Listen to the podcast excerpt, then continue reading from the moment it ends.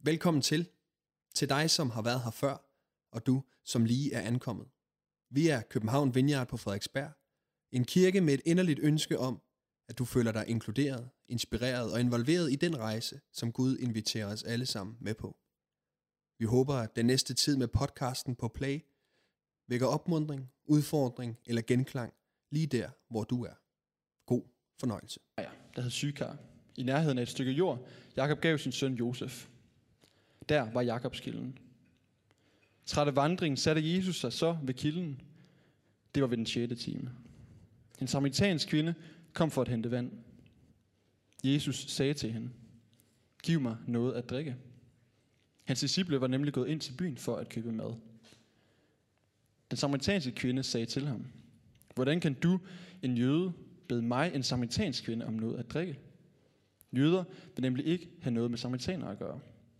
Jesus svarede hende, hvis du kendte Guds gave og vidste, hvem det er, der siger til dig, giv mig noget at drikke, så vil du have bedt ham, og han vil have givet dig levende vand. Og kvinden sagde til ham, Herre, du har ingen spand, og brønden er dyb. Hvor får du så levende vand fra? Du vil ikke større end vor fader Jakob, som gav os brønden og selv drak af den, ligesom hans sønner og hans kvæg. Jesus svarede hende, en hver, som drikker af det vand, skal tørste igen. Men den, der drikker af det vand, jeg vil give ham, skal aldrig i evighed tørste. Det vand, jeg vil give ham, skal i ham blive en kilde, som vælger med vand til evigt liv. Kvinden sagde til ham, Herre, giv mig det vand, så jeg ikke skal gå herud og tørste igen. Så jeg ikke skal gå her ud og tørste og hente vand. Det er ikke helt det, der står. Jeg, jeg missede den lige. I kan læse det deroppe. Yes. Det, som jeg virkelig nyder ved at læse tekster som den her fra evangelierne, det er, at det er ægte møder med mennesker. Det er ikke bare en eller anden teori omkring Jesus. 1, 2, 3, sådan her er Jesus, så har du vi lært det. Men det er Jesus, som møder mennesker. Ægte mennesker, som han taler med. Og her får vi at se, hvad det er for et indtryk, Jesus gør på et helt almindeligt menneske for 2000 år siden. Det her møde, det handler om en kvinde og Jesus. Vi kalder hende kvinden ved brønden. Johannes han har ikke lige gjort sig umage, så har skrevet hendes navn, så hun må leve med, at vi bare kalder hende for kvinden. Men det er heller ikke så vigtigt egentlig. Det vigtige det er, hvordan Jesus han ser den her kvinde. Hvordan at Jesus han møder hende. Og jeg tænker, jeg lige hurtigt vil rise op, hvad det er, der sker her også, fordi jeg stoppede lidt før med at læse. Egentlig så øh, regnede jeg på det og fandt ud af, at det ville tage næsten 5 minutter, hvis jeg læste hele deres samtale op, og det tænkte jeg, det vil jeg spare os for på sådan en aften her. Øh, så jeg lige hurtigt op, hvad der, der egentlig foregår. Først så har de jo den her samtale omkring vand, og kvinden hun tror, at det handler om normal vand. Vand, som man drikker. H2O. Og langsomt finder hun ligesom ud af, at det er noget andet, det handler om. Det handler om det levende vand. Og så når de har snakket lidt om det her med vand, så sporer det sig lige pludselig hen på noget helt andet. Til at handle omkring kvindens liv. Og helt specifikt så begynder Jesus at tale omkring, at lige nu der bor hun med en mand, som ikke er hendes egen, og egentlig så har hun haft en masse forskellige mænd i hendes liv. Og hvorfor skal Jesus begynde at snakke om det i en samtale, der lige gik så godt omkring noget med levende vand? Vil han bare lige tage hende ned? Vil han bare lige pege på alt det, der er dårligt? Og jeg tror virkelig ikke, det er det, der er på spil. Jesus han bringer ikke det her frem for, for at fordømme hende. Jesus han ønsker at sætte hende fri. Jeg tror faktisk, det er derfor, at han vælger at sætte det her frem. Fordi der er noget i hendes liv, der er svært. Det er ikke fordi, det her det var det værste, Jesus skulle tænke på, at et menneske det kunne gøre. Men her, der har kvinden måske oplevet, at der var noget i hendes liv, som måske virkede mislykket. Som måske virkede svært. Jesus han tager en længsel frem i hendes liv, netop fordi han ønsker at fylde hende op. Han bringer det frem ikke for at fordømme, men netop for at sætte fri. Og det er også det, som kvinden oplever. Jeg synes, det er så skønt at læse om, hvordan er den her kvinde, hun oplever virkelig at blive sat i frihed. Hun oplever så ikke fordømt, men mødt af kærlighed. Lidt som vi sang før i den sang, som Maria har skrevet. Jeg er set. Hun er blevet set med kærlige øjne, og hun løber tilbage til byen, kan vi læse lidt senere, og fortæller dem alle sammen inde i byen. Og hun siger sådan her, kom og se en mand, som har fortalt mig alt, hvad jeg har gjort. Hun har gjort ting, hun måske har fortrudt, ting, som var svært. Og alligevel så siger hun, se, der er en mand, der har fortalt mig alt, hvad jeg har gjort, fordi det handler ikke om hendes fortid længere. Jesus har givet hende en ny start, en ny begyndelse. Det er ikke længere det, det kommer an på. Hun siger, måske det er ham, som er Kristus, altså Guds søn. Da den her samtale mellem Jesus og kvinden her, den starter, så på overfladen, så ligner det jo egentlig bare en helt normal samtale mellem en mand og en kvinde. Men det, at Jesus overhovedet begynder at tale med hende, i det der ligger der faktisk adskillige overraskelser. Jesus han må bryde mange grænser for overhovedet at starte den her samtale. Nu taler jeg om at skride grænser på den positivste måde, som man overhovedet kan tale om det på. Jesus han bryder en masse forskellige barriere, kan vi også kalde det. Og jeg vil lige hurtigt rise fire af de ting op, som Jesus han gør her. Han bryder en etnisk barriere, en barriere, der handler om køn, om social status, og om noget med herre-tjenerforhold, altså noget magtforhold. Det første, det etniske. Jesus han går ned igennem Samaria, hører vi. Og jøder på det her tidspunkt, de tænkte, at Samaria, det var det værste sted. Man gik faktisk som regel udenom det, fordi man tænkte, det var urent land, fordi samaritaner og jøder, de kunne ikke fordrage hinanden. De havde konflikt, fordi det handlede noget om, hvor man egentlig skulle tilbe Gud. Og derfor kunne de ikke lide hinanden. Så jøder gik udenom. Men Jesus, han ved, det urene kommer ikke udefra, men indenfra. Så han går ind igennem det land, hvor ingen vil være. Det land, som i hans eget folk var fordømt, som man så ned på. Den barriere, den bryder Jesus, fordi han vil hen og tale med dem. Han har også noget på hjerte for dem. Man kan sige, at det er en eller anden menneskelig konstruktion, som nogle kulturer har sat op, og Jesus, han bryder med det. Det samme gør han, når det kommer til det med køn. På det her tidspunkt i den her kultur, der var det sådan, at mænd og kvinder, de talte ikke sammen, nærmest med mindre, at de var gift. Og især ikke offentlige steder. Og især, især ikke, hvis man var en fremmed mand, der kom til et nyt sted. Og Jesus er en fremmed på det her sted, og han begynder at tale med hende. Jeg har hørt, at man som mand ikke engang måtte have øjenkontakt med en fremmed kvinde de her steder. Den barriere, den bryder Jesus. Han siger, det er en dårlig barriere. Det er ikke sådan, det skal være. Det er ikke sådan, jeg har ment med det hele, der er skabt jorden. Og den barriere bryder han, fordi han vil hen til kvinden, være sammen med hende og tale med hende. Så den sociale status, den bryder Jesus også. Den her kvinde blev set ned på. Og hvordan kan vi vide, at hun blev set ned på, at hun var i andres øjne et udskud? Det kan vi blandt andet ved, at hun kommer gående ud på den varmeste time af hele døgnet. Den sjette time er midt på dagen, der var solen den står højt på himlen, og det er mega varmt. Og hvorfor går man ud til brønden på det tidspunkt? Normalt var det noget, man gjorde sammen med andre, men her kommer hun gående alene på det varmeste tidspunkt af dagen. Der er mange, der mener, at det er fordi, at ja, hun er, har været set ned på af andre. Hun har ikke haft noget fællesskab med andre. Og sandsynligvis fordi, at hun har været en prostitueret. Hende var der ikke nogen, der ville have noget at gøre med. Hende var der ingen i hendes eget folk, ikke engang hendes eget køn, som ville tale med. Men også den barriere bryder Jesus, for han vil tale med hende. Han vil give hende noget. Han vil give hende levende vand. Og den fjerde ting, Jesus han bryder, det er det her herre-tjener-relation. På det her tidspunkt, og sådan kan det måske også være i dag, så kan man hurtigt tænke, at den, der er i toppen, skal have fra dem i bunden. Jesus, han er Guds søn, og han kommer ikke bare hen til kvinden og siger, jeg er Guds søn, jeg har noget til dig, og du har ikke noget til mig. Det er ikke det, han siger til hende. Jesus er tørstig. Han sidder på brønden og er tørstig, og så siger han til kvinden, vil du ikke give mig noget vand? Det er en simpel ting, rimelig banalt. Men på den måde så er han også med til at understrege for kvinden, faktisk, så kan du give mig noget, som jeg har brug for. Der er en, som hedder Kenneth Bailey, han siger det sådan her. Kvindens værdighed understreges i og med, at hun bliver bedt om at hjælpe Jesus med de ressourcer, hun har til rådighed. Jesus han giver hende værdighed ved at bede om hjælp. Det her, det kunne man holde en hel tale om, og bare fortsætte øh, ud med det, omkring hvordan Jesus han bryder forskellige barriere for at komme til den her kvinde. Og for nu der tænker jeg bare, at vi kan stille os selv det spørgsmål måske. Om vi sætter barriere op for mennesker.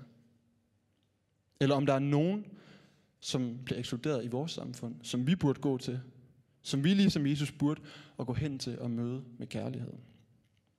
Men det er noget, vi hver især kan gå hjem øh, og overveje. Men hvad har det her egentlig at gøre med levende vand? For det er det her, det er det, det egentlig skal handle om. Hvorfor er det vigtigt, det her med, at Jesus han bryder de her barriere i forhold til det levende vand? Og jeg tror, det er enormt vigtigt. Det har meget med hinanden at gøre, fordi Guds kærlighed kender ingen grænser.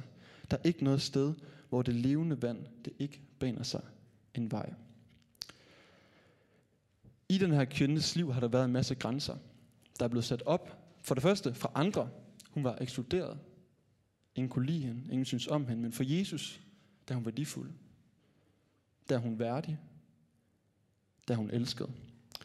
På samme måde så tror jeg også, hun har måske ekskluderet sig selv.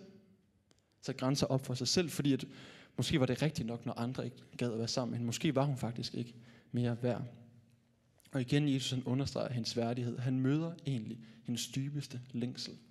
At blive set og blive holdt af. Den her kvinde, da hun kommer ud til brønden, der kommer hun med en krukke. Og øh, da hun tager væk derfra, der lader hun krukken stå. Og jeg tror egentlig godt, at det kan være et billede på det, som sker i hende. Hun kom ud efter én ting, men kom hjem med noget bedre. Det betyder jo ikke, at hun aldrig bliver tørstig igen, at hun aldrig nogensinde skal drikke vand fra den brønd igen. Men hun fik noget, der var bedre. Noget, der var større. Hun fik slukket sin dybeste længsel og tørst. Men det så kvinden, det var sådan, som Jesus mødte kvinden for 2000 år siden. Hun fik levende vand. Og så kan vi stille spørgsmålet, hvad med os? Kan vi få det? Yes. Drikker vi af det? Tager vi imod det, som kvinden hun tog imod her? Modtager vi det? Mens jeg har forberedt mig her til i dag, så er der særlig en sætning øh, fra den her tekst, som er stået ud for mig. Fra vers 10, hvor der står, Hvis du kendte Guds gave, og vidste, hvem det er, der siger til mig, siger til dig, giv mig noget at drikke, så vil du have bedt ham, og han vil have givet dig levende vand. Jesus, han ønsker at give, og han siger, hvis du bare vidste, hvis du bare vidste, hvor meget jeg har for dig, hvor meget kærlighed jeg har for dig, så vil du bare have spurgt mig om det, så vil jeg have givet det til dig. For det er sådan, Jesus er. Jeg har en ven, som når han beder, så beder han ofte bedt en bøn, der lyder lidt af det her. Jesus, du er meget bedre, end vi tror. Jeg tror faktisk at nogle gange, det er sandt. Det kan også være sandt i mit eget liv. Jeg tror selv, jeg er på en livslang vandring i at lære, hvor god Gud faktisk er. Hvor meget kærlighed der faktisk er at få. Hvor dyb den kilde med liv, den egentlig er. Og når jeg har læst det her, så bliver jeg også mindet om andre steder, hvor Jesus han taler om noget lignende.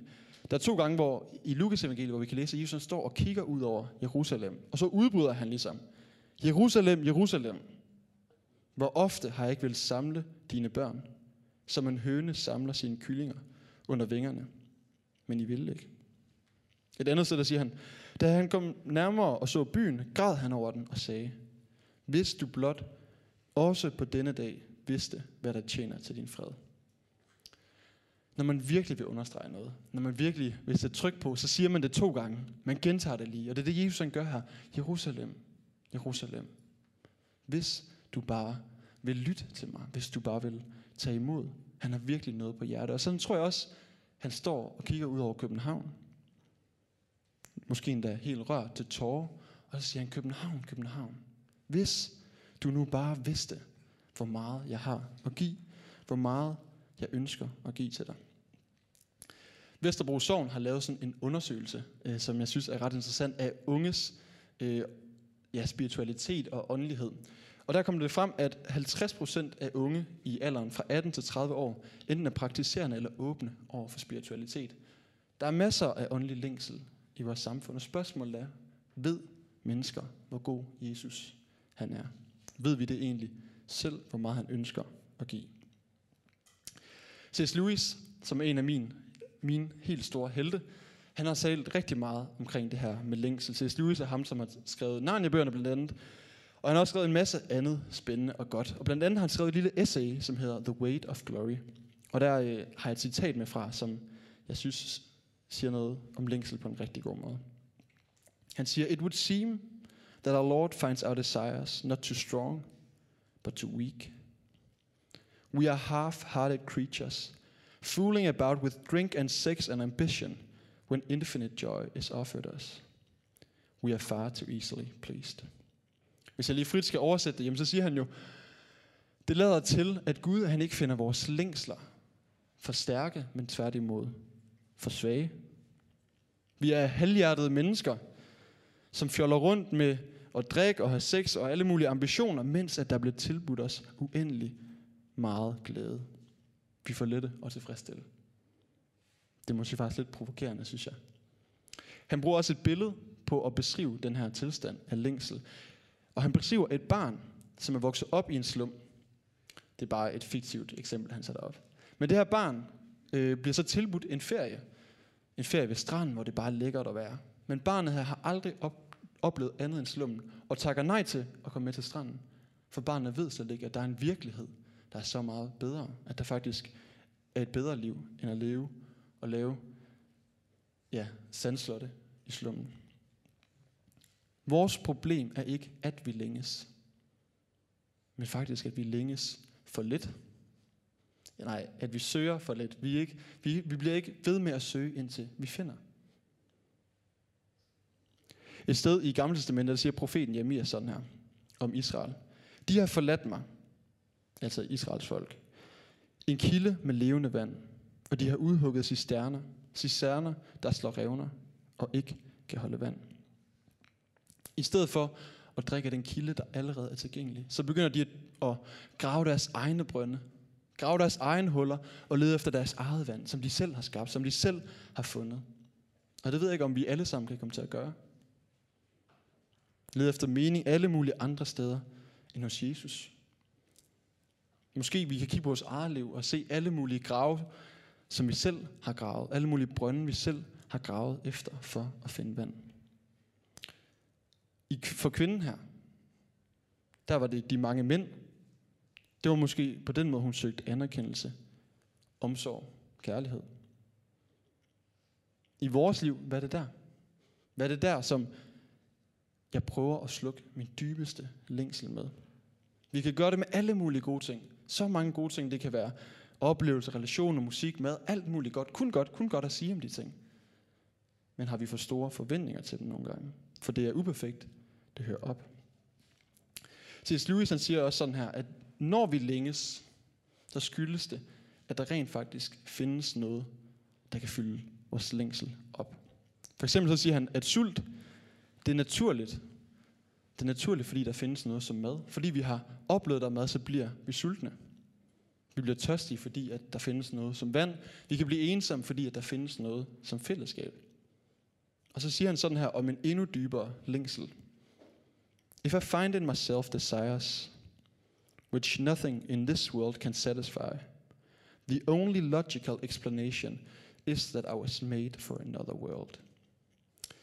Det her det beviser jo ikke, at kristendommen er sand, at vi længes. Men på en eller anden måde, så synes jeg, at han siger det på en god måde. Og jeg synes også, det stemmer overens faktisk med min egen erfaring.